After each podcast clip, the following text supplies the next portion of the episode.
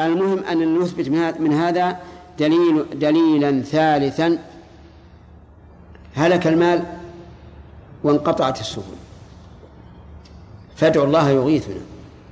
فرفع يديه ودعا ثم أنشأ الله السحابة فتوسطت السماء وانتشرت ورعدت وبرقت وأمطرت فلم ينزل النبي صلى الله عليه وعلى آله وسلم من الخطبة إلا وهو إلا والمطر يتحادر من لحيته. وما قال أنس وما قدم أحد من ناحية إلا حدث بالجود أي بكثرة الأمطار. نعم. لما يناديهم إيه، نعم. وزعمت أن الله أن الله يرضى عن أولي الحسنى ويغضب من أولي العصيان. هاتان صفتان الرضا والغضب. يرضى عن أهل الحسنى ولا يرضى عن أهل السوء. قال الله تعالى فإن ترضوا عنهم فإن الله لا يرضى عن القوم المفسد عن القوم الفاسقين. وقال تعالى وإن تكفر إن تكفروا فإن الله غني عنكم ولا يرضى لعباده الكفر وإن تشكروا يرضه لكم. وقال عز وجل إيش في خدك يعني وقال عز وجل رضي الله عنهم ورضوا عنه. هذا هذه الصفة من صفات الله تبارك وتعالى الثابتة بالقرآن والسنة.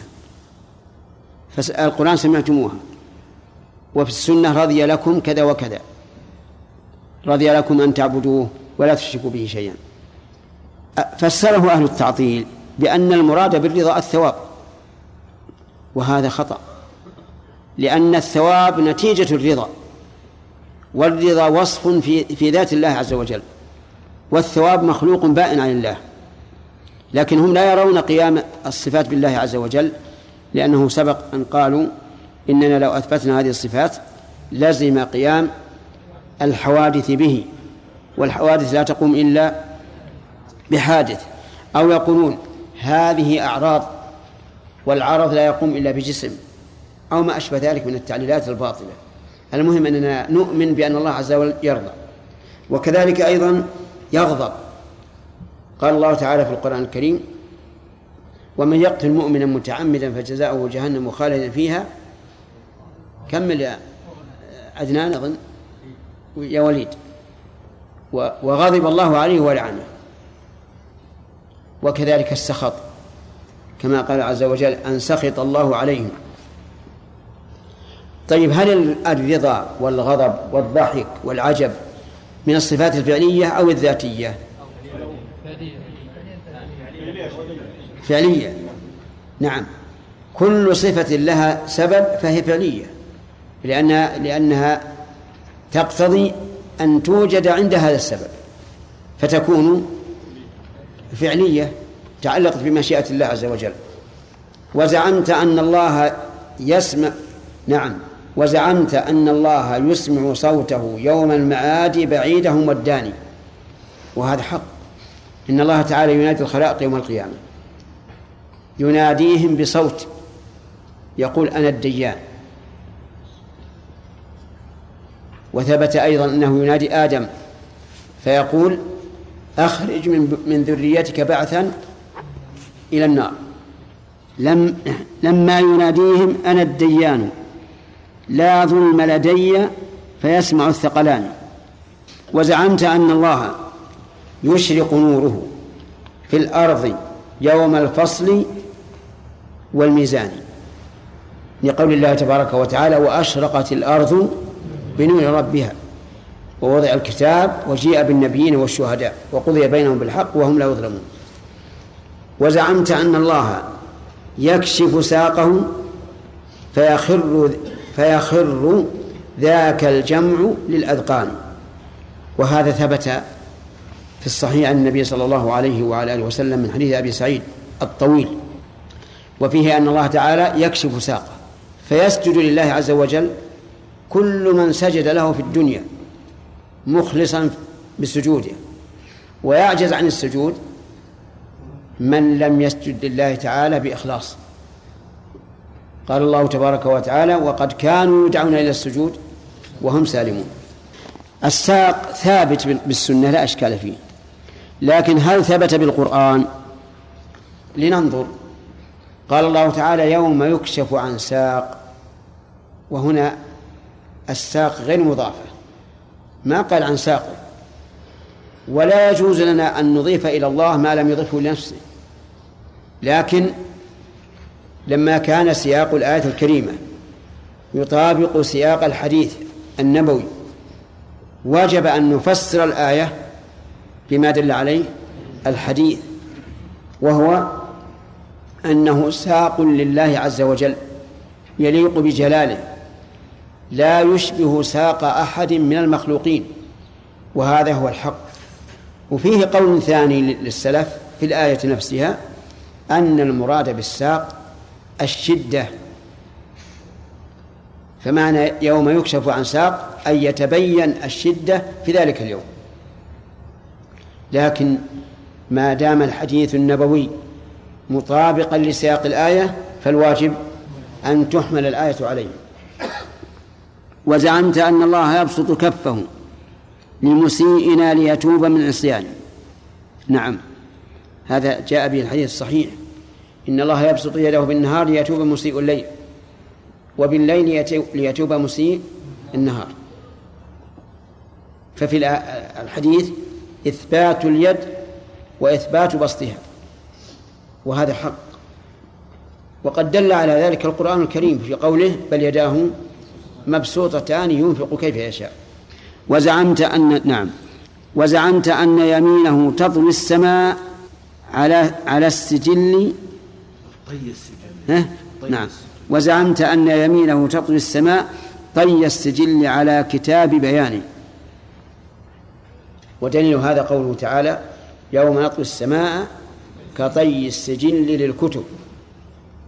فهو يطويها عز وجل بيمينه و و وزعمت.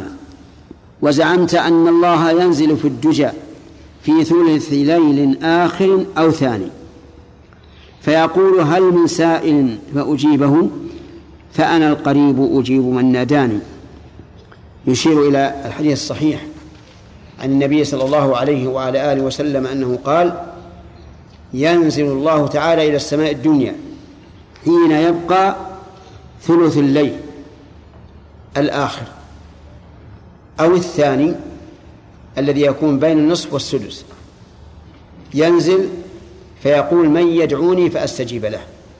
من يسألني فأعطيه. من يستغفرني فأغفر له. فما الذي ينزل؟ أهو الرب جل وعلا أو رحمته أو ملك من ملائكته أو أمره؟ الجواب أن ننظر. ينزل ربنا. الفعل مضاف إلى من؟ إلى الله عز وجل. وكل فعل مضاف مضاف إلى الله فإنه يعني ذات الله. وهذه قاعدة لا إشكال فيها من الناحية اللغوية. كل ما أضافه الله إلى نفسه فهو له ذاته ولا تؤول ولا تحرف. فعليه نقول إن الله ينزل هو نفسه. لكن هل لنا أو هل يجب علينا أن نقول ينزل نفسه؟ أو ينزل بذاته أو ما أشبه ذلك. الجواب لا يجب علينا إلا إذا كان هناك من يحرف النزول إلى نزول الرحمة أو الأمر أو الملائكة فهنا نضيف كلمة ذاته من أجل رد هذا القول. وبهذا نعرف أنه لا اعتراض على قول من يقول ينزل بذاته كما اعترض بعض الناس على على تعبير بعض السلف ينزل بذاته. قالوا ليس لنا أن نزيدها. فنقول نعم الأصل أنه ليس لنا أن نزيدها. لأن الفعل إذا أضيف إلى إلى فاعله فهو له حقيقة ذاته. لكن إذا كنا نسمع من أشاع قوله بأن المراد تنزل رحمته أو أمره أو ملك من ملائكته فيجب علينا أن نضيف بذاته حتى نبين للناس والكلمات التي لا تخالف الظاهر وإن لم تكن موجودة إذا اضطررنا إليها فلا حرج علينا فيها. كما قلنا في السواء العرش هو نفسه على العرش. بعض الناس يقول لا تقول بذاته. أقول بذاته ما دام هناك من يؤول ويحرف لا بد أن يبين. هذا النزول أولا يرد عليه أسئلة. كيف ينزل؟ الجواب. أجيبه. ينزل على كيفية شاءها ولا تسأل. يعني نقول لمن سأل كيف ينزل؟ أنت مبتدع. طيب. هذا النزول هل يلزم منه أن يخلو العرش من الرب عز وجل؟ أيضا نقول لا تسأل. السؤال عن هذا بدعة. فالصحابة رضي الله عنهم ما سألوا عن عن هذا. وإذا كانوا لم يسألوا فإنه يسعنا ما يسعهم. ومن لا يسعه ما وسع الصحابة فلا وسع الله عليه. نقول ما سألوا؟ طيب السؤال الثالث هل ينافي علو الله؟ هذا نجزم بأنه لا ينافيه. لماذا؟ لأن العلو من الصفات الذاتية. فهو عال على الخلق كلهم ولو نزل إلى السماء الدنيا كما هو عال على الخلق كلهم وهو معهم لكنه في العلو. ولا تقس المعاني التي يحتملها اللفظ مما يتعلق بالآدمي على ما يكون لله منها. وذلك الاختلاف ما بين المخلوق والخالق. إذا موقفنا من هذا أن نقول إن الله ينزل حقا إلى السماء الدنيا حين يبقى ثلث الليل الآخر أو الثاني الذي يبتدئ من النصف فيقول من يدعوني إلى آخره. أما المحرفون الذين قالوا ينزل أمره فنقول هذا تحريف مخالف لظاهر اللفظ. ثم أن أمر الله هل يختص نزوله إلى السماء الدنيا؟ لا. لأن الله قال يدبر الأمر من من السماء إلى الأرض. كذلك الرحمة. إذا نزلت السماء إلى السماء الدنيا ماذا ماذا نستفيد منها؟ الملك أيضا لا يمكن وهو يقول من يدعوني فأستجيب له. هل يمكن لأي ملك من الملائكة يقول للخلق من يدعوني؟ لا يمكن. لكن المحرف والعياذ بالله يكون قد تلوث بنجاسة التحريف وغشيت قلبه حتى لا يبصر ما وراءه. فيتحيل فيفسر بهذا التفسير. فيقول هل من سائل فأجيبه؟ هنا إشكال في كلمة فأجيبه. هل هي بالرفع ولا بالنصب ولا بالجزم؟ نعم. بالنصب لماذا؟ لأنه ها. يعني جواب الاستفهام. طيب. ما هو البيت الذي حفظتموه من قبل بالنسبة لفاء السببية؟ نعم. اسمية طلبية غلط. غلط سن اي سن بعضي واعرض لحظهم إيش؟ ورجو كذاك النكل قد كمل إيه اعد البيت. ما هذا أول. نعم. ها؟ غلط غلط. نعم. مر وادعو وانهى وسل وأعرض لحظهم. تمنى وارجو. كذاك النفي. تسعة. قد كمل. احفظوا هذه الأبيات ترى مفيدة. وهي بيت واحد تستفيد منها كثيرا. طيب. قال وزعمت أن الله نعم وزعمت أن له نزولا ثانيا يوم القيامة للقضاء الثاني. نعم. وهذا ثبت به السنة وأشار إليه الرب عز وجل في القرآن الكريم. وأشرقت الأرض بنور ربها. وزعمت أن الله يبدو جهرة لعباده حتى يرى بعيانه. هذا رؤية الله عز وجل. هل الله يرى؟ أما عند أهل التعطيل المحرومين من رجائهم لرؤية الله فهو لا يرى. هؤلاء الذين ينكرون رؤية الله لا يرجون لقاء الله نسأل الله العافية لأنهم يقولون رؤية الله محال مع أن رؤية الله دل عليها القرآن والسنة وإجماع الصحابة رضي الله عنهم. في القرآن الكريم عدة آيات أصرحها وأبينها قول الله تعالى وجوه يومئذ ناظرة إلى ربها ناظرة وهذه واضحة جدا. ومنها قول الله تعالى للذين أحسنوا الحسنى وزيادة. فسر النبي صلى الله عليه وعلى آله وسلم الزيادة بأنها النظر إلى وجه الله وهو أعلم الناس بتفسير كلام الله.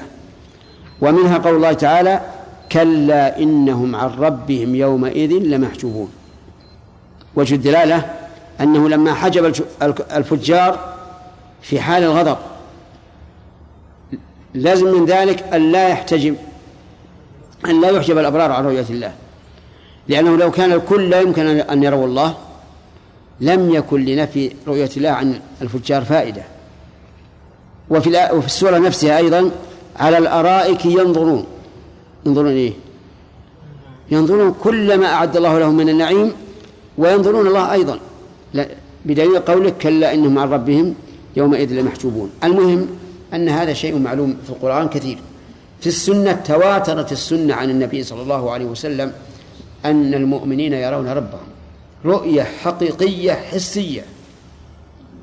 قال كما ترون القمر ليلة, ليلة البدر لا تضامون في رؤيته وقال كما ترون الشمس عيانا ليس دونها سحاب. فهل يبقى بعد هذا شيء؟ لكن أولئك الذين حرموا من رجاء رؤية الله والعياذ بالله أنكروا هذا. حتى إن بعضهم قال من زعم أن الله يرى فقد كفر. نسأل الله العافية. ونحن ربما نقول من أنكر رؤية الله فقد كفر. لأن الأدلة فيها واضحة. ولا ولا ولا, ولا يمكن أن تحتمل التأويل. طيب. يقول و... نعم. وزعمت أن الله يبدو جهرة ل... لعباده حتى يرى بعيانه. بقي أن يقال أليس الله تعالى؟ قال لموسى حين قال رب أرني أنظر إليك قال لن تراني. فالجواب بلى. لكن هذا في الدنيا لأن لأن أجسامنا في الدنيا لا تحتمل رؤية الله عز وجل. ولهذا بين الله عز وجل أن موسى لن يتحمل بقوله انظر إلى الجبل. واضح؟ قولوا نعم ولا لا؟ واضح. واضح. فإذا ادعوا أن لن تفيد التأبيد كما إذا قلت لن يقوم زيد يعني ما يمكن يقوم أبدا. فالجواب أن هذا زعم باطل ليس بصواب. وانظر إلى قول الله تبارك وتعالى ولن يتمنوه أبدا بما قدمت أيديهم أكد أبدا. أكد النفي بقول أبدا. ومع ذلك يقول أهل النار لمالك يا مالك ليقضي علينا رب. فتمنوا الموت. فدل هذا على أن لن وإن اقتضت التأبيد في الدنيا فلن يستمر التأبيد إلى الآخرة. ونحن نقول في الدنيا لا أحد يراه ولا يمكن لكن في الآخرة يراه. يراه الناس. أظن الأمر واضح. طيب. في هذا يقول مالك رحمه الله يقول ومر النفي بلن مؤبدا فقوله ردد وسواه فاعضدا هذا ذكره في كتاب منظومة الكافية التي لخص منها الألفية. وزعمت وزعمت نعم. بل يسمعون كلامه ويرونه فالمقلتان إليه ناظرتان. اللهم لا تحرمنا من هذا يا رب. وزعمت أن لربنا قدما وأن الله واضعها على النيران فهناك يدنو بعضها من بعضها وتقول قط قط حاجتي وكفاني. هذا أيضا جاءت به السنة. إثبات القدم لله. وفي لفظ الرجل لله عز وجل. قال النبي صلى الله عليه وعلى آله وسلم لا تزال جهنم يلقى فيها. وهي تقول هل من مزيد؟ يعني تطلب المزيد. فيضع رب العزة عليها قدمه فينزوي بعضها إلى بعض ينضم بعضها إلى بعض وتقول قط قط كفى. فيصدق وعد الله عز وجل إياها بأن يملأها. بأن يملأها. إذا نثبت القدم لله عز وجل. وأنه يضعه يضع قدمه على النار. فهل هذا القدم مثل أقدام المخلوق؟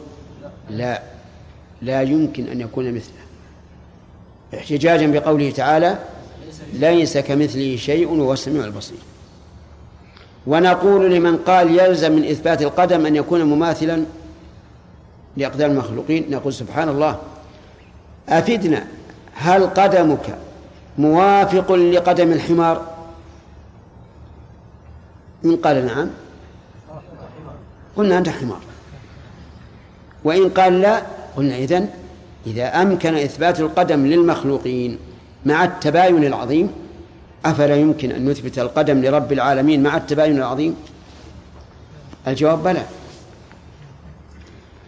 نعم فهناك يدنو بعضها من بعضها وتقول قط قط قط بمعنى كفى. ومنه قولنا فقط. عندي مئة ريال فقط.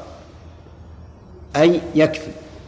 لكن أدخل الفاء عليها لتحسين اللفظ. نعم. نقرأ؟ نمشي ولا؟ ها؟ باقي؟ اي أسئلة. ما لا باقي. باقي نعم. شيخ بارك الله فيكم. أشكل علي صفة النور لله عز وجل. إيش؟ النور. نعم. هل نقول إن الله سبحانه وتعالى نور أم أنه صفة؟ نور كما نقول. هو نور وله نور. هو نور وله نور. نعم. نعم يا وليد. هل يصح الحديث عن النبي إنه قال رأيت الله في أحسن سوره هذا في المنام. هذا في المنام وهذا حديث مختلف فيه لكن أكثر الأئمة صحوه. ولابن رجب رحمه الله آه، شرح على هذا الحديث. نعم يحيى. صلى الله عليكم.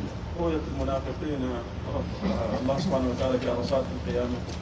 هو صحيح وإذا كان صحيحا فما نوع هذا إيش؟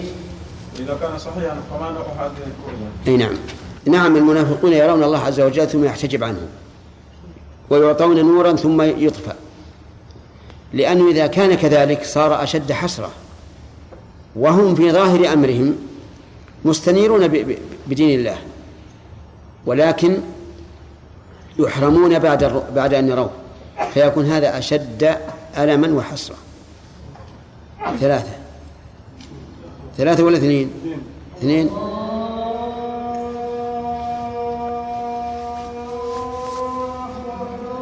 اللهم أكبر. الفرق أن الرسول فعل هذا ولم يفعل هذا. خلاص؟ فعل هذا ولم يفعل هذا. مثل كما قالت عائشة لمعاذة. لما سألتها ما بال الحائض تقضي الصوم ولا تقضي الصلاة؟ قالت كنا يصيبنا ذلك فنؤمر بقضاء الصوم ولا نؤمر بقضاء الصلاة.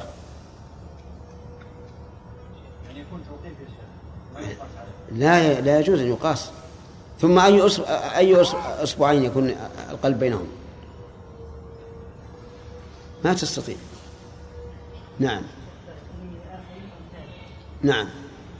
آخر يعني آه الثلث الأخير.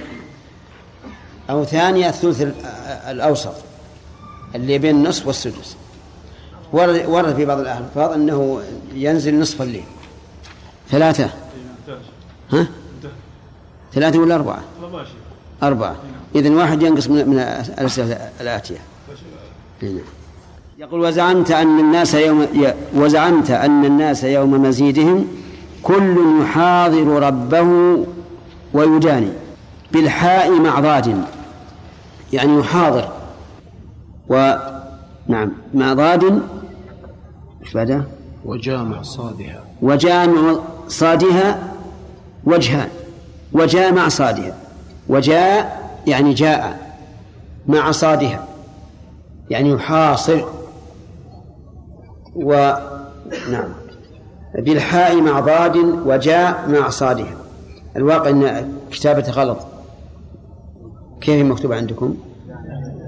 جامع. وإذا غلط هنا يجب الفصل بين جاء وبين مع. وجاء مع صادها وجهان في ذا اللفظ محفوظان. يعني يحاضر أو يحاصر.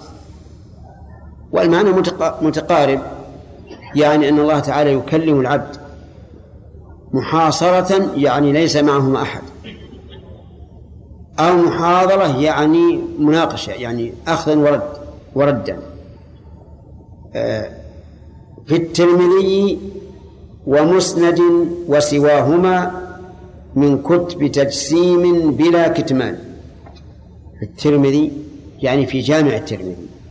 ويقول في الترمذي رحمه الله الترمذي هو أبو عيسى محمد ابن عيسى. هو أبو عيسى محمد ابن عيسى السلمي الترمذي. ولد بترمذ سنة تسع ومائتين وتوفي بها سنة تسع وسبعين ومائتين عن عن عن سبعين عاما. نعم. قال وصفته بصفات حي فاعل بالاختيار وذلك الأصلان أصل أصل التفرق بين هذا الخلق في الباري في الباري فكن إيش؟ فكن في النفي. فكن في النفي غير جبان. يعني و وزعمت أن أنه موصوف بصفات الحي الفاعل الاختيارية.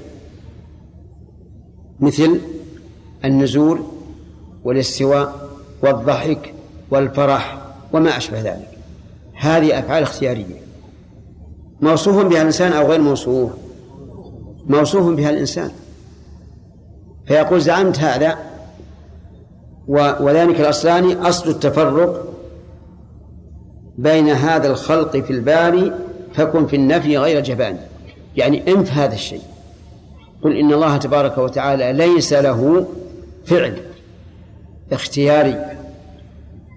ولذلك عند هؤلاء المعطلة لا يستطيع الله عز وجل أن ينزل ولا أن يأتي للفصل ولا أن يضحك ولا أن يفرح. لماذا؟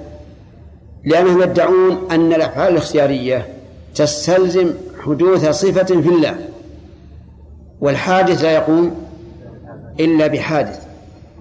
وسبق أن هذه قاعدة باطلة وأن قيام الحوادث بمن هو أزلي لا يمنع منه عقل ولا شر قال أولى فكون في النفي غير الجبان أولى فلا تلعب بدينك ناقضا نفيا بإثبات بلا فرقان. يعني إن لم تكن شجاعا في النفي فلا تلعب بدينك. فمرة تنفي ومرة تثبت. إن حصرك المناظر أثبت وإن خللك الجو نفيت. بل كن غير جبان شجاعا مع من يثبت لتغلبه في إيش؟ بالنفي نعم. أو لا فلا تلعب بدينك ناقضا نفيا بإثبات بلا فرقان. فالناس بين معطل. أو مثبت أو ثالث متناقض صنفان. والله لست برابع لهم بلى إما حمارا أو من الثيران. بلى هنا بمعنى بل. وابن القيم رحمه الله يستعملها دائما بهذا المعنى.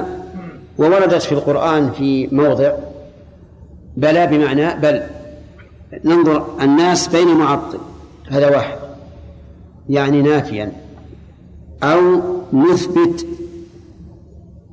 بكل ما أثبته الله لنفسه أو متناقض يعني يثبت تارة وينفي أخرى وهذا تقسيم حاصل إما أن يثبت الجميع وليد وين أنت؟ ها؟ كيف؟ الناس ينقسمون إلى ثلاثة أقسام مثبت طرد نف... آه... ناف طرد نفيه في كل الصفات. والثاني مثبت طرد إثباته في كل الصفات. والثالث متناقض. يثبت بعض الصفات دون بعض أو يثبت تارة وينفي أخرى. وش بقي؟ ما بقي. ولهذا قال والله لست برابع لهم. بلى بمعنى بل إما حمارا أو من الثيران. اللي لا يقول شيئا أبدا لا إثباتا ولا نفيا ولا ترددا. وذكر الحمار لأن الحمار أبلد البهائم.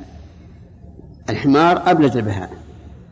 ولهذا ضربه الله تعالى مثلا في الذين حملوا التوراة ثم لم يحملوها. ولأجل كونه أبلد الحيوان هو أدل الحيوان. أدل الحيوان. ضربها الطريق مرة وخلاص. يدل وذكر لنا شيخنا عبد الرزاق عفيفي رحمه الله أنه لما كان أبلد الحيوان صار أدل الحيوان. لأنه ما عنده تفكير. يمشي ويمشي على هذا الطريق. قال والذكي لا. ليس يدل كثيرا. ما يدل كثيرا. لأن مخه دائما نعم. شغال. بغير الطريق. أما كون الحمار يدل فهذا شيء معلوم. عرفنا هذا. لما كنا فلاحين عرفناه. وأما كون الذكي ما يدل يعني كثيرا فهذه تحتاج إلى نظر. يعني قد لا نسلم. أنا أرى أن السواقين من أدل الناس سواق السيارة رح أنتم يا أهل البيت مرة واحدة خلاص يعرف. لكن الراكب معه ما يعرف أبدا. لأن السواق ها مركز. واللي معه لا يركز. بقينا من الثيران. وش وجهه؟ هل نقول ابن القيم قالها تكميلا للبيت؟ أو هناك ملاحظة؟ في ملاحظة. الثور ما عنده حكمة. يعف بقرونه ولا يبالي. في مناسبة أو غير مناسبة. نعم. وذكروا لنا أن رجلا رحمه الله دخل إلى حوش البقر. حوش البقر مثل قراش السيارات. فعاد عليه الثوب عاد عليه. ما يقدر يهرب الآن لأن محاط بالجدران. فألجأه إلى الجدار الثوب. يريد أن يقتله. فاتكأ الرجل على الجدار وأمسك برأس الثور ولفه نعم؟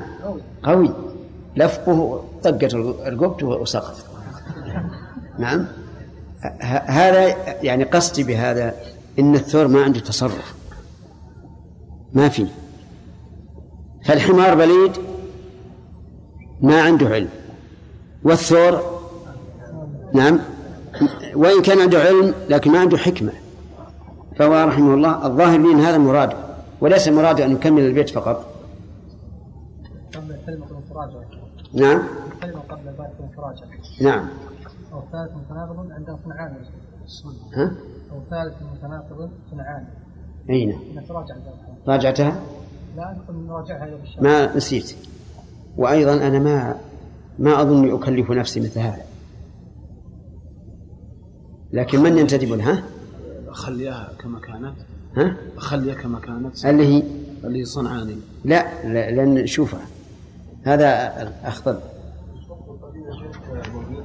صنعان ما ليس له أصل صنعان لكن آه، آه، كتبها بالصنعان ها؟ اي الصنعاني ما له أصل. والله ما لو بعد تراجع حررها أحسن. نعم.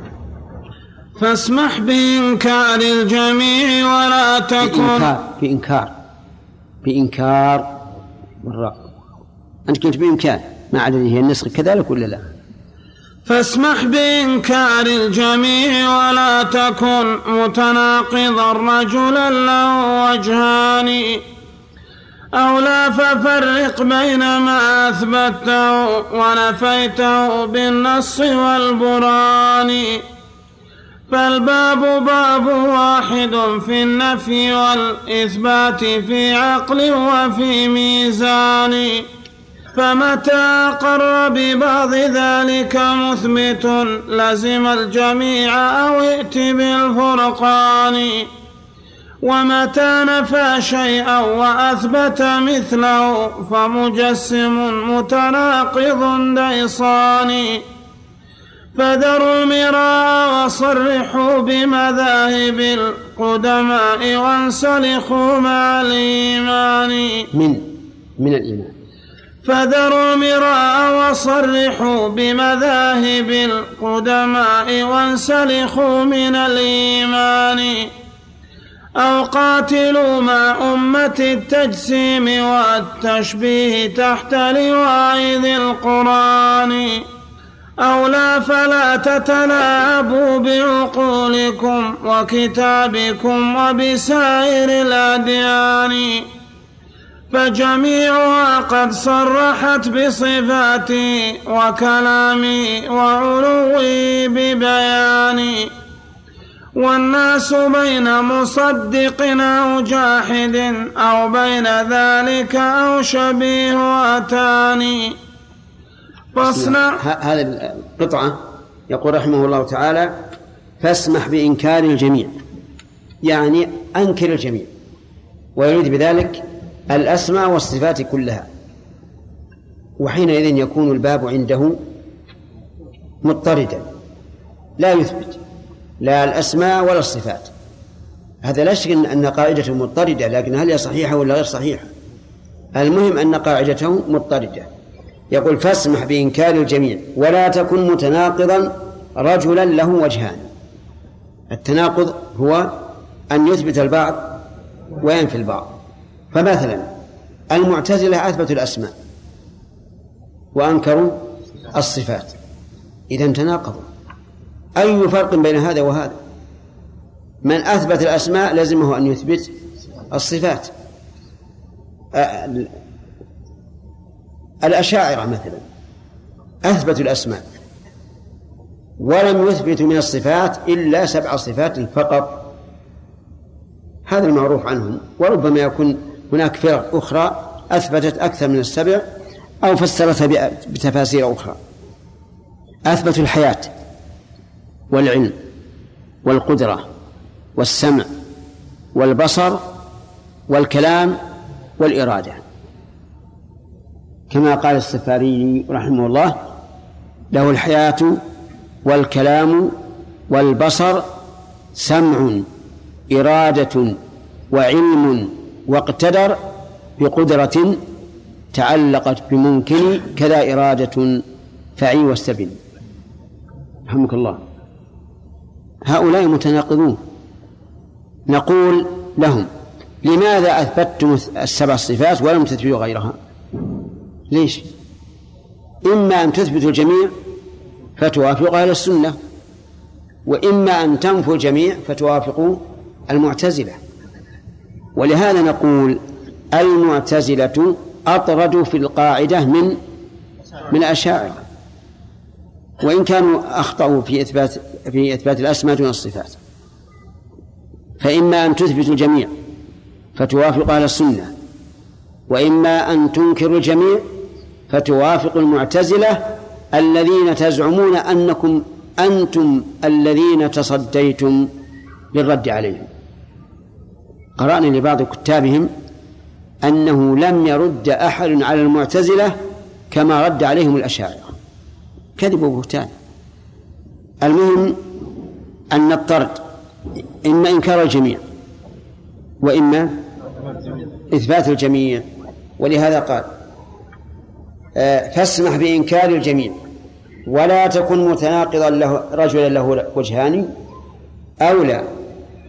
يعني لا تنكر الجميع انكر بعضها انكر بعضها ففرق بين ما أثبته ونفيته بالنص والبرهان. يقدر أو لا يقدر؟ ما يقدر. ما يقدر يفرق بين ما أثبته ونفاه. قد يقول ما أثبته دل عليه العقل. وما نفيته لا يدل عليه العقل. فنقول إن سلمنا جدلا ما ذكرت؟ فإن عدم دلالة العقل على ثبوت ما أثبته الله نفسه لا يستلزم نفيها لأنها إن لم يثبتها العقل فقد أثبتها السمع فقد أثبتها السمع. وانتفاء الدليل المعين لا يستلزم انتفاء المدلول. وهذه قاعدة مفيدة للإنسان. انتفاء الدليل المعين لا يستلزم انتفاء المدلول لأنه قد يثبت بدليل آخر. هذه واحدة. ثانيا نقول إنما نفيته بحجة أن العقل لا يدل عليه يمكن إثباته بدلالة العقل مع أننا في الأمور الخبرية ما لنا حاجة للعقل. إذ أن موقف العقل سيكون التوقف. فيمكن أن نثبت الرحمة التي تنفيها أنت أيها الأشعري نثبتها بدليل العقل. كيف ذلك؟ ما في الناس من نعمة واندفاع النقم وغير ذلك من مما لا يحصى. وش يدل عليه؟ نعم؟ يدل على الرحمة. يدل على الرحمة. ودلالة ذلك على الرحمة أقوى من دلالة التخصيص على الإرادة الذي زعمت أنه دليل عقلي على إثبات الإرادة. هم يقولون الإرادة تثبت بالعقل لأننا نشاهد المخلوقات لها خصائص. كل واحد له خصيصة. فتخصيص كل شيء بما يختص به يدل على أن هناك إرادة. نقول سبحان الله هذا الدليل الخفي الذي قد يعسر فهمه على طالب العلم. هل هو أقوى من دليل الغيث على الرحمة؟ لا والله ما هو أقوى. فالمهم أن الأشاعرة متناقضون لا شك. فما هو الطريق السليم الصحيح؟ هو الجواب. هو إثبات الجميع. هذا الطريق أن نثبت الجميع. فكل ما سمى الله به نفسه فثابت وكل ما وصف به نفسه فثابت على الوجه الحقيقي. لكن يجب أن نلاحظ قول الله عز وجل ليس كمثله شيء وهو السميع البصير. ولهذا قال المؤلف رحمه الله فالباب باب واحد في النفي والإثبات في عقل وفي ميزان. العدل الباب باب واحد. إما أن تثبت الجميع وإما أن تنفي أن تنفي الجميع. فمتى أقر ببعض ذلك مثبت؟ لازم نعم أما الديصان فحققها لنا الظل. نعم موجودة بالشرح وش يقول؟ صار نسبة إلى هؤلاء الطائفة. طيب يقول رحمه الله فذروا المراء وصرحوا بمذاهب القدماء وانسلخوا من من الأديان. ذروا المراء يعني الجدال والجدال بغير الحق أو لغير الحق مراء والجدال بالحق ليس بمراء بل هو لإثبات الحق فلا يذم الإنسان عليه. فذروا المراء. وصلحوا بمذاهب القدماء يعني بذلك الفلاسفة الذين انسلخوا من الأديان. أو قاتلوا مع أمة التجسيم والتشبيه تحت لواء ذي القرآن. كيف قاتلوا مع أمة التشبيه؟ يعني على على زعمهم. نعم. قاتلوا مع هؤلاء الأئمة الذين تعتقدون أنهم مشبهة مجسمة تحت لواء ذي القرآن ذي كذا؟ ذي القرآن. أي صاحب القرآن. تحت لواء ذي القرآن أي تحت لواء صاحب القرآن. أو لا فلا تتلاعبوا بعقولكم وكتابكم وبسائر الأديان فجميعها قد صرحت بصفاته وكلامه وعلوه ببيان والناس بين مصدق أو جاحد أو بين ذلك أو شبيه أتان. الأتان ما هي؟ أنثى الحمار الحمير. شوف أقسام مصدق أي مقر بما أثبته الله لنفسه وأثبته له رسوله. أو جاحد يعني منكرا. أو بين ذلك يعني مترددا. هل يصدق أو يكذب؟ الرابع البليد الذي ليس عنده سنع لا هذا ولا هذا. فيقول إن هذا يشبه الأتان أي الحمارة. والله أعلم. فاصنع من التنزيه ترسم محكما وانفي الجميع بصنعة وبيان. وكذاك لقب مذهب الإثبات بالتجسيم ثم احمل على الأقران. فمتى سمحت لهم بوصف فمتى سمحت؟ سمحت. فمتى سمحت لهم بوصف واحد حملوا عليك بحملة الفرسان فصرعت صرعة من غدا متلبطا وسط العرين ممزق اللحمان. فلذاك أنكرنا الجميع مخافة التجسيم إن صرنا إلى القرآن. ولذا خلعنا ربقة الأديان من أعناقنا في سالف الأزمان. الله والعياذ بالله. هذه القطعة يقول فاصنع من التنزيه فاصنع من التنزيه ترسا محكما وانفي الجميع بصنعة وبيان. التنزيه يعني أن تنزه الله عز وجل عن مشابهة المخلوقين. وهم بإنكارهم ما أنكروا من الأسماء والصفات كلها أو بعضها إنما يريدون على زعمهم التنزيه وأنه لو وصف الله تعالى بما وصف به لكان مشابها للمخلوق. فيقول اصنع من من التنزيه ترسا محكما والترس ما يتترس به المقاتل حتى لا تصيبه السهام. وكذاك وكذاك لقب مذهب الإثبات بالتجسيم. إذن أثبت وانفي. أثبت بأنك منزه. وانفي بأن المثبت إيش؟ مجسم. فيكون لك آه، مقتلان. الأول أنك تريد التنزيه بهذا التعطيل والثاني أن المثبت مجسم. ثم أحمل على الأقران. الأقران جمع قرن وهو المماثل للإنسان. ولهذا يقال فلان قرن فلان أو قرينه أي مماثل لهم. فمتى سمحت لهم بوصف واحد حملوا عليك بحملة الفرسان؟ يعني لو أنك أثبتت وصفا واحدا حملوا عليك. كيف يحملون عليك؟ بأن يقولوا أنت أثبت كذا فما الفرق؟ بينه وبين ما نفيت إذن لا تثبت شيئا حتى تسلم من من الإيراد والتناقض. وهذه وصية مقبولة أو غير مقبولة؟ هذه غير مقبولة. لكن هم يوصي بعضهم بعضا ويقول إياك أن تقر إن أقررت لله بوصف واحد قالوا لك ما الفرق. أثبت الباقي. أو انفوا الكل. فمتى سمحت لهم بوصف واحد حملوا عليك بحملة الفرسان.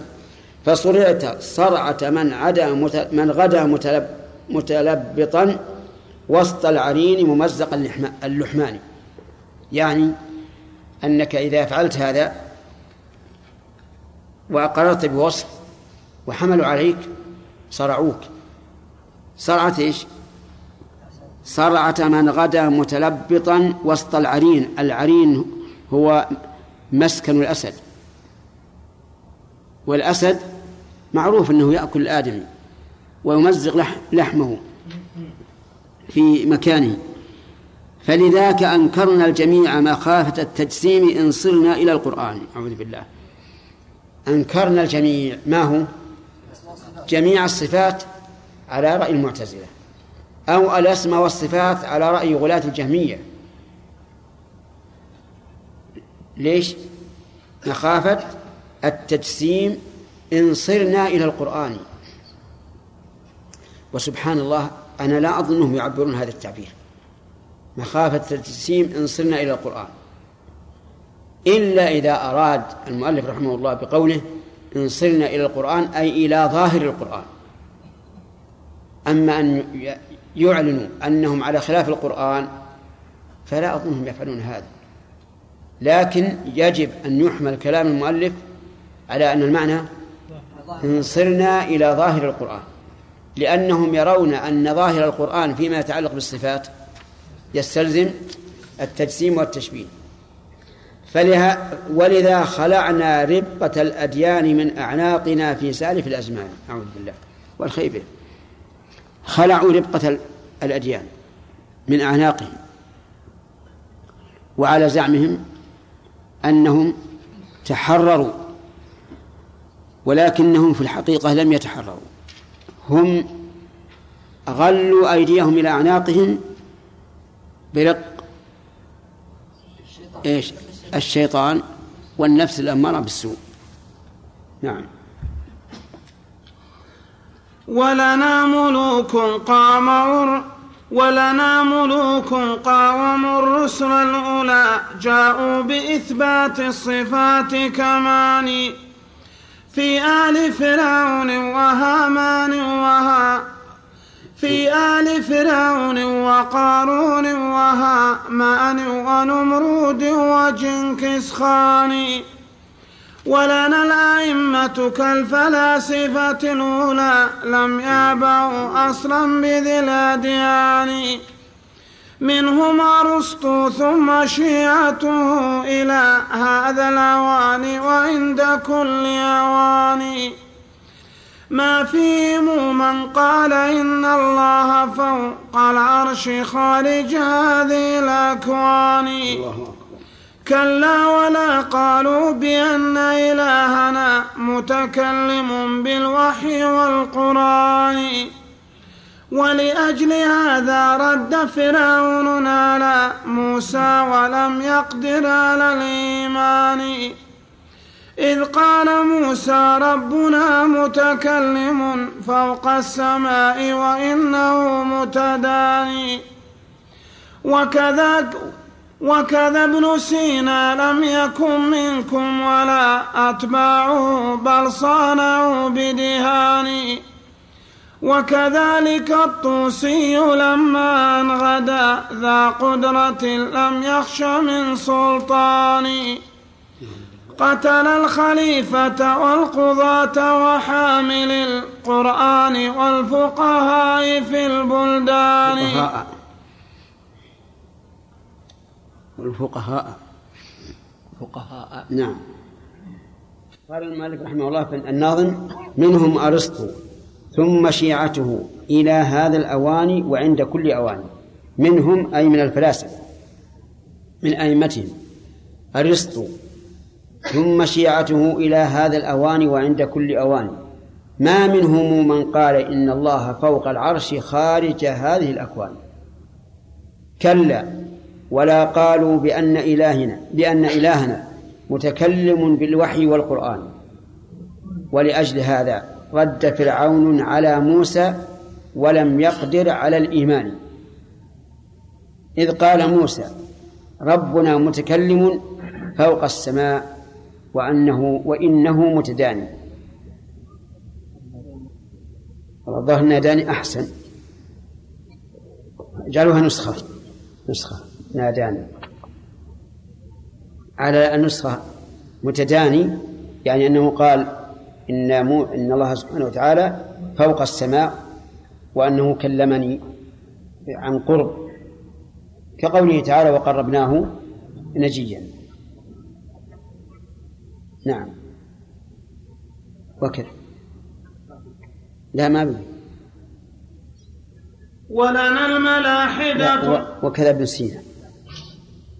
وكذا ابن سينا صانعوا بدكم ولا أتباعوا بل صانعوا بدياني.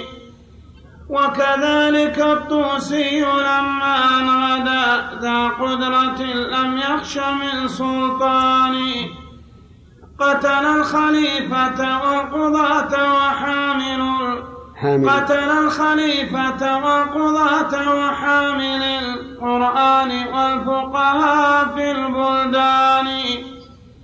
إذ هم مشبهة مجسمة وما دانوا بدين أكابر اليونان. ولنا الملاحدة الفحول أئمة التعطيل والتشبيه آل سنان. ولنا تصانيف بها غالبتم مثل الشفاء ورسائل الإخوان. وكذا الإشارات التي هي عندكم قد ضمنت لقواطع البران. قد صرحت بالضد مما جاء في التوراة والإنجيل والفرقان. أعوذ بالله. هي عندكم مثل النصوص وفوقها في حجة قطعية وبيان. وإذا تحاكمنا فإن إليهم يقع التحاكم لا إلى القرآن. إذ قد تساعدنا بأن نصوصه لفظية عزلت عن الإيقان. فلذاك حكمنا عليه وأنتم قول المعلم أولا والثاني. يا ويح نعم جهل طيب وابن. لا نقف هنا. يقول يقول ابن الناظم رحمه الله وكذا ابن سينا لم يكن منكم ولا أتباعه بل صانعوا بدهان. يعني أن ابن سينا وأتباعه ليسوا من هؤلاء ليسوا من المثبتة ولا من أهل السنة لكنهم صانعوا وأظهروا الإسلام مداهنة وإلا فهم زنادقة منافقون كفار إلا أنهم أظهروا أنهم مسلمون ولهذا يفخر أهل القومية العربية بأن ابن سينا منهم وهو طبيب مشهور فتجدهم يترفعون به حتى إننا سمعنا أن بعض المدارس تسمى باسمه مع أنه نعم. إيش؟ والمستشفيات نعم. وكذلك وكذلك الطوسي. لما أن غدا ذا قدرة لم يخش من سلطان. الطوسي كان وزير الخليفة العباسي. آخر خلفاء بني العباس. وكان خبيثا ماكرا خادعا. آه، طلب من التتر أن يقدموا إلى بغداد عاصمة الملك. وسهل لهم الطريق. ووصف لهم كيف يأتون زمنا ومكانا. وحصل ما حصل من المصيبة العظمى. كما يقول مالك رحمه الله قتل الخليفة والقضاة وحامل القرآن والفقهاء في البلدان. قتل أمما عظيمة من العلماء لأن بغداد هي العاصمة فيها العلماء والفقهاء والقضاة ووجهاء الأمة. كلهم حصدهم والعياذ بالله. وقصتهم معروفة في كتب التاريخ كالبداية والنهاية لابن كثير والنهاية لابن الأثير أما ترجمة الطوسي فاسمعها. يقول هو محمد ابن محمد الطوسي.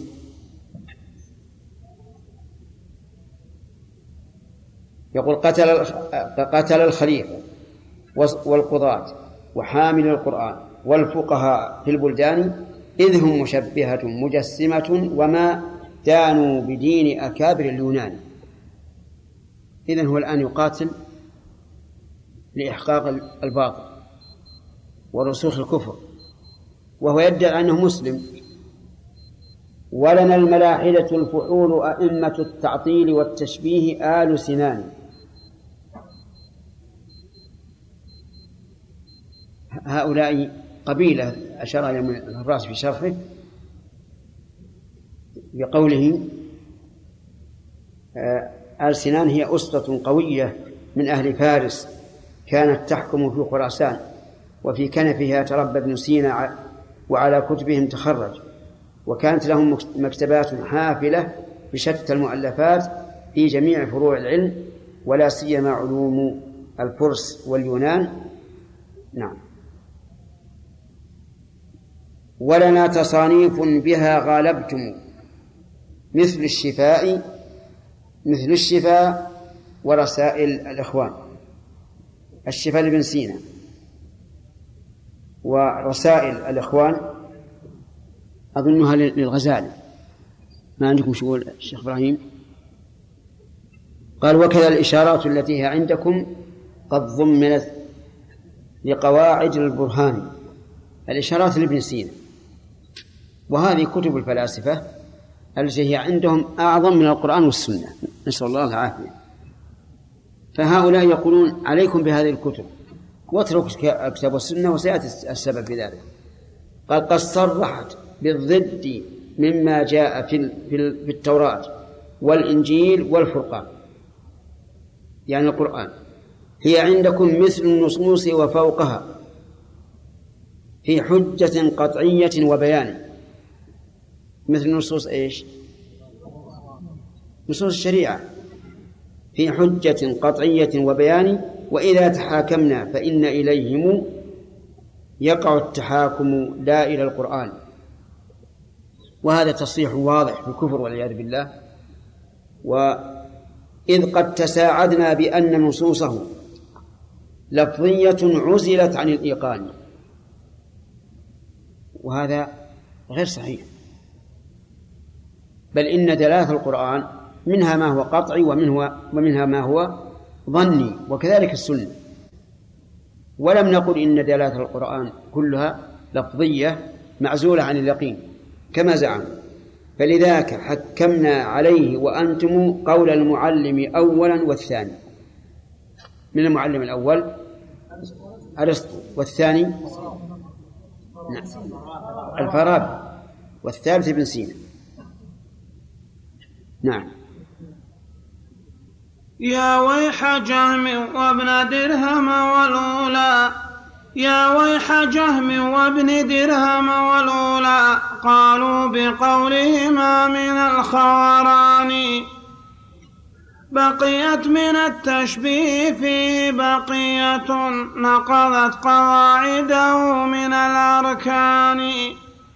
ينفي الصفات مخافة التجسيم لا يلوي على خبر ولا قرآن. ويقول إن الله يسمع ويرى وكذاك يعلم سر كل جنان. ويقول إن الله قد شاء الذي هو كائن من هذه الأكوان. ويقول إن الفعل مقدور له والكون ينسبه إلى الحدثان. وبنفي التجسيم يصرخ بالورى والله ما هذان متفقان. لكننا قلنا محال كل ذا حذرا من التجسيم والإمكان. نعم. يقول يا ويح جهم وابن درهم. جهم بن صفوان تلميذ الجعد بن درهم. وهما رأس التعطيل. آه، والأولى قالوا بقولهما من الخوران. يعني الضعف. لأن هؤلاء آه، بقيت من التشبيه فيه بقية نقضت قواعده من الأركان. لأن المعروف من الجهمية يثبتون الأسماء وينكرون الصفات. وهؤلاء وأولئك الملاحدة لا يقرون بأسماء ولا صفات فيقولون إن الجهمية فيهم شيء من من التشبيه حيث أثبتوا الأسماء. ينفي الصفات مخافة التجسيم لا يلوي على خبر ولا قرآن. من هو؟ الجهم. ينفي الصفات لكنه يثبت الأسماء. مخافة التجسيم لا يلوي على خبر ولا قرآن ويقول إن الله يسمع أو يرى وكذاك يعلم سر كل جنان ويقول إن الله قد شاء الذي هو كائن من هذه الأكوان ويقول إن الفعل مقدور له والكون ينسبه إلى الحثان لكنه يقول إن الله يسمع بلا سمع. ويرى بلا بصر. وأما العلم فإنه مذهب الجهمية ما أدري عن مذهب جهم نفسه بعضهم ينكر وبعضهم ينفي. لكن مقتضى قولهم بالجبر أن الله يعلم فيثبت العلم. ويقول إن الفعل مقدور له والكون ينسبه إلى الحدثان. يقول إن الله سبحانه وتعالى قادر على أن يفعل. وهذا الكون كله حادث بعد أن لم يكن. وهذا حق. لكن الفلاسفة الأولى لا يقرون بهذا وينكرونه عليه. وبنفي التجسيم يصرخ في الورى والله ما هذان متفقان. يعني هو ينفي التجسيم ويثبت هذه الصفات. أو أو الأفعال أو الإرادة أو ما أشبه ذلك. ما هذان متفقان؟ لكننا قلنا محال كل ذا حذرا من التجسيم والإمكان. من هؤلاء الذين قالوا؟ الفلاسفة. الكل هذا محال. فصل في قدوم ركب فصل في قدوم ركب الإيمان وعسكر القرآن. وأتى فريق ثم قال أنا اسمع قد جئتكم من مطلع الإيمان من أرض طيبة من مهاجر أحمد. من أرض طيبة من مهاجر أحمد بالحق والبرهان والتبيان. سافرت في طلب الإله فدلني الهادي عليه ومحكم القرآن. مع فطرة الرحمن جل جلاله وصريح عقلي فاتنا ببياني فتوافق الوحي الصريح وفطرة الرحمن والمعقول في إيماني. شهدوا بأن الله جل جلاله متفرد بالملك والسلطان وهو الإله الحق لا معبود إلا وجهه الأعلى العظيم الشان. بل كل معبود سواه فباطن من عرشه حتى الحضيض الداني. نعم الفريق. يقول رحمه الله أتى فريق ثم قال ألا اسمعوا ألا اسمعوا يحتمل المعنى اسمعوا بالآذان أو يسمعوا سمع إجابة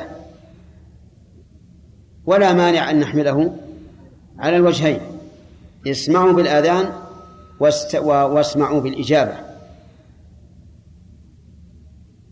وهذا الأسلوب جاء به القرآن. قال الله عز وجل يا أيها الناس ضرب مثل فاستمعوا له. فاستنصتنا الله عز وجل. والنبي صلى الله عليه وسلم أحيانا يقول لأصحابه يرسل واحد ويقول اجمع الناس واستنصت الناس. أن ينصتوا ولا حرج أن يقول المعلم أو من أراد أن يعلم آه، أنصتوا. أو أو اقربوا أو تجمعوا أو ما أشبه ذلك. ولا يعد هذا من باب الخيلاء بل هذا من باب النصح والإرشاد. قال قد جئتكم من مطلع الإيمان أي مكان طلوعه.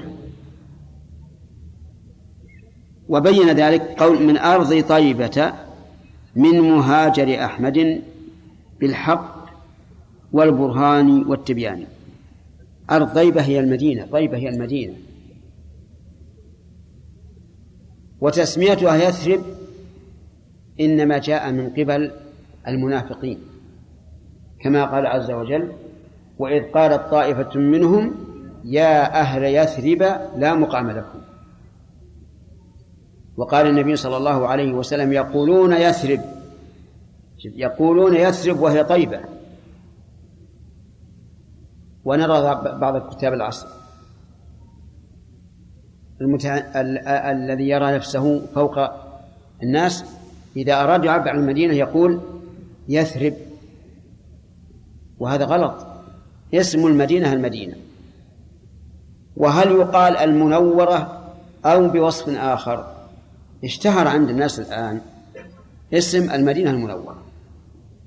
ولا شك أن المدينة المنورة بالرسالة. ولكن هذا التنوير لا يخصها. كل بلد يدخله الإسلام فهو منور بالإسلام. فأحسن وصف أن تقول المدينة النبوية. إذا كان ولا بد أن تصفها فقل المدينة النبوية أو المدينة مهاجر النبي صلى الله صلى الله عليه وسلم. لكن هذا يطول. فقل النبوية. و ولم أسمع في كتب الأقدمين المدينة المنورة. ولا أدري متى حدث هذا هذا اللقب. من أرض طيبة من مهاجر أحمد أي مكان هجرته. وأحمد هو النبي صلى الله عليه وسلم محمد. وله أسماء. في القرآن أحمد ومحمد. واختار الله عز وجل أن ينطق عيسى لبني إسرائيل بقوله اسمه أحمد لأن أحمد اسم تفضيل. بخلاف محمد فأراد الله عز وجل أن أن ينطق عيسى بهذا بهذا الاسم الدال على التفضيل كأنه يقول سيأتيكم رسول هو أحمد الناس لله عز وجل. وهو أحمد الناس خصالا. وهو أيضا أعظم الناس حمدا أن أن يحمدوه. نعم. أحمد بالحق ضد الباطل البرهان الدليل القاطع التبيان الدليل الواضح. ثلاث ثلاث أوصاف. سافرت في طلب الإله فدلني الهادي عليه ومحكم القرآن. دلني الهادي إليه من الهادي إلى الله؟ النبي صلى الله عليه وسلم. يعني السنة ومحكم القرآن. هذا دليل آخر. مع فطرة الرحمن جل جلاله. هذا دليل ثالث. وصريح عقل فع إيش؟ فاعتلى ببيان. هذه أربعة أدلة. دلت على الإله الحق عز وجل. القرآن السنة الثالث الفطرة الرابع العقل فاعتلى ببيان فتوافق الوحي الصريح وفطرة الرحمن والمعقول في إيمان. الوحي الصريح هنا يشمل القرآن والسنة.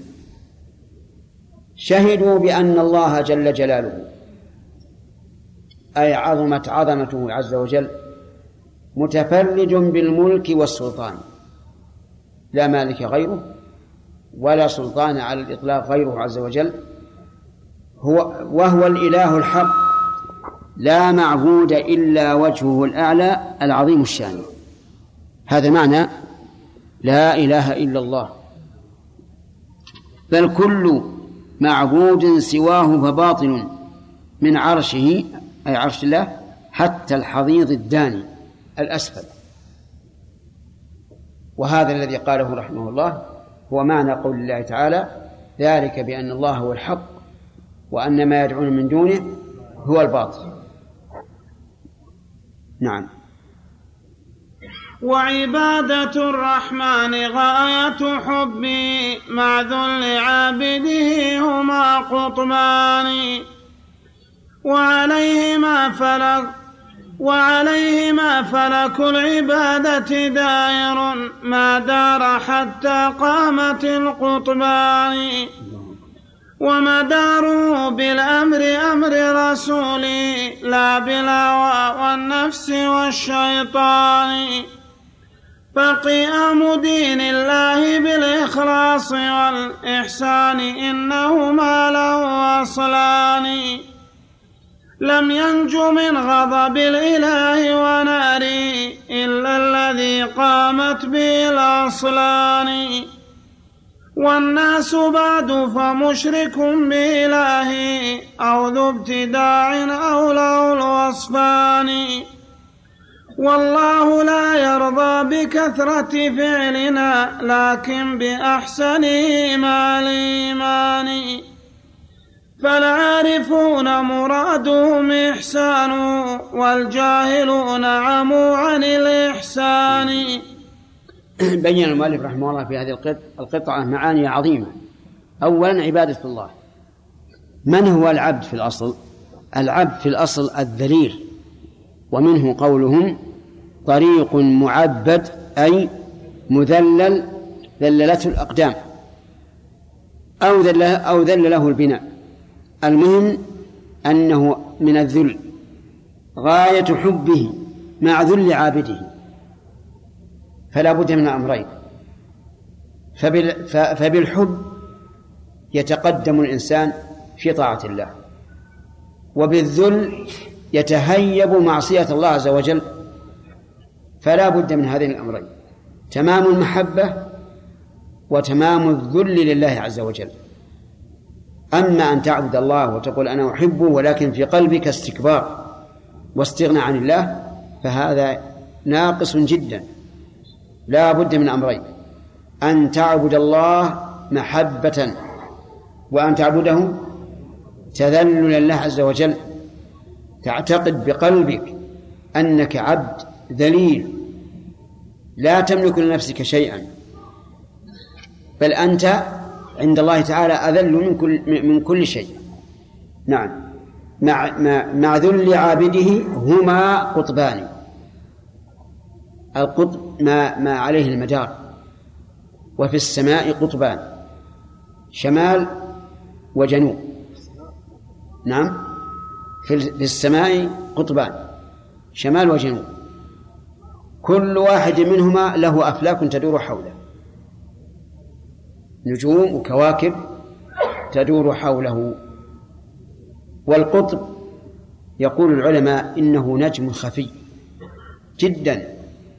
لا يراه إلا حديد البصر هذا تعبيرهم. إلا حديد البصر في غير ليالي القمر. وهو لا لا يتجاوز مكانه. لأن النجوم تدور عليه. ولهذا كلما كان النجم أقرب إليه صارت دائرته ضيقة. الآن مثلا الجدي الجدي قريب من القطب. ولهذا لا يتزحزح عن مكانه إلا يسيرا لأنه قريب. بنات نعش الصغرى تدور حول القطب ولا تغيب. لا لا تغيب. لأنها يعني بالنسبة لنا نحن في هذا المكان لا تغيب لأنها تدور ودورانها ضيق.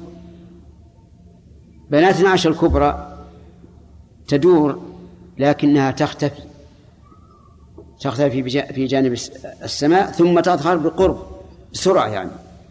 حوالي ست ساعات أو سبع ساعات ثم تبدو. فالحاصل أن القطب هو ما عليه مدار الشيء. نعم. وعليهما فلك العبادة دائر. ما دار حتى قامت القطبان. صحيح. لولا القطب ما دار. يدل على أي شيء؟ ومداره بالأمر أمر رسوله. لا بالهوى والنفس والشيطان. لا المدار هو أمر الله ورسوله لا الهوى. فمن دار أو حام حول الحمى من غير الكتاب والسنة فقد ضل. فقيام دين الله بالإخلاص والإحسان إنهما له أصلان. بالإخلاص الذي ضده الشرك والإحسان الذي ضده البدعة. فلا بد من إخلاص ولا بد من إحسان وهو الاتباع.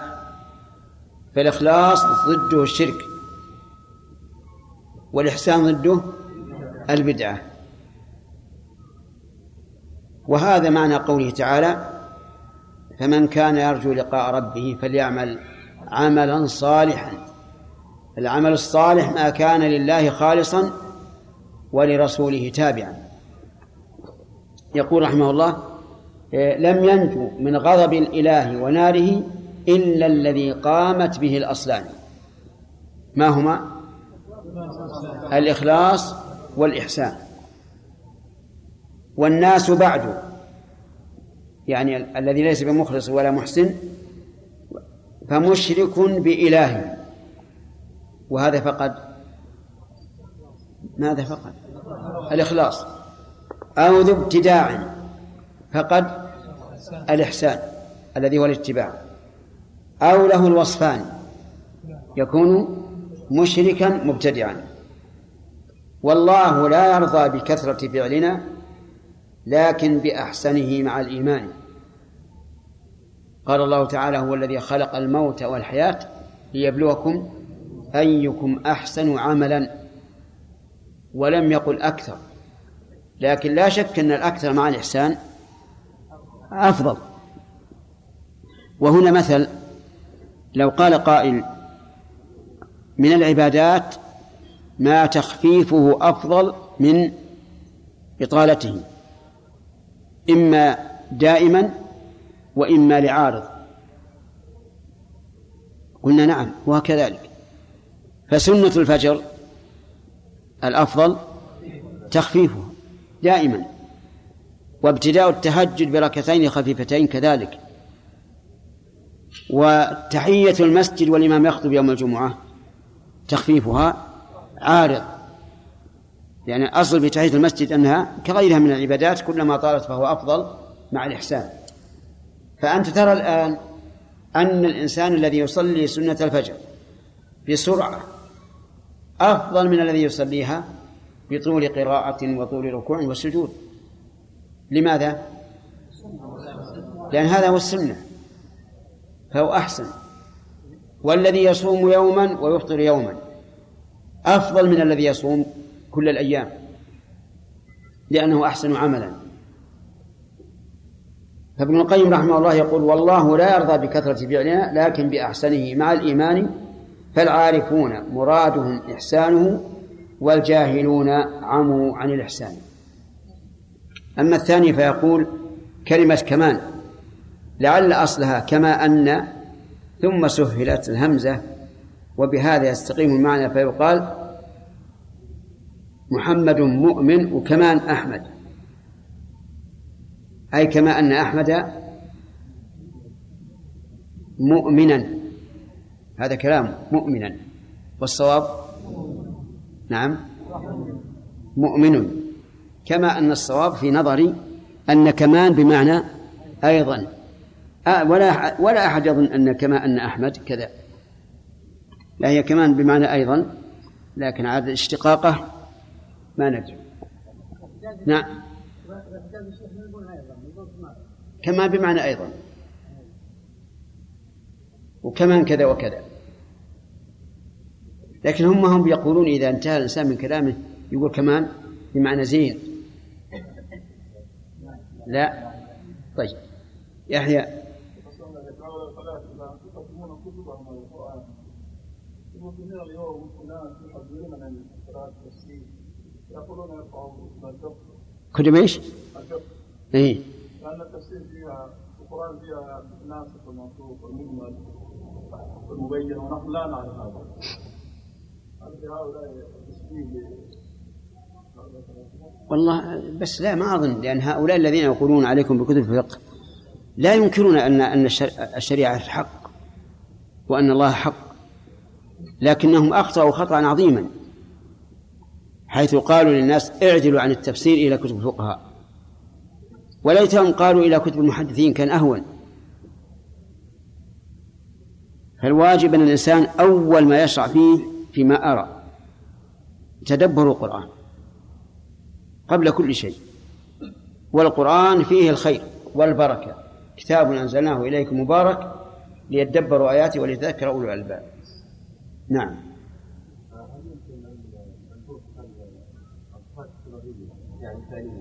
لأنها صفات ذاتية من حيث أصلها؟ كل الصفات الفعلية أصلها أزلي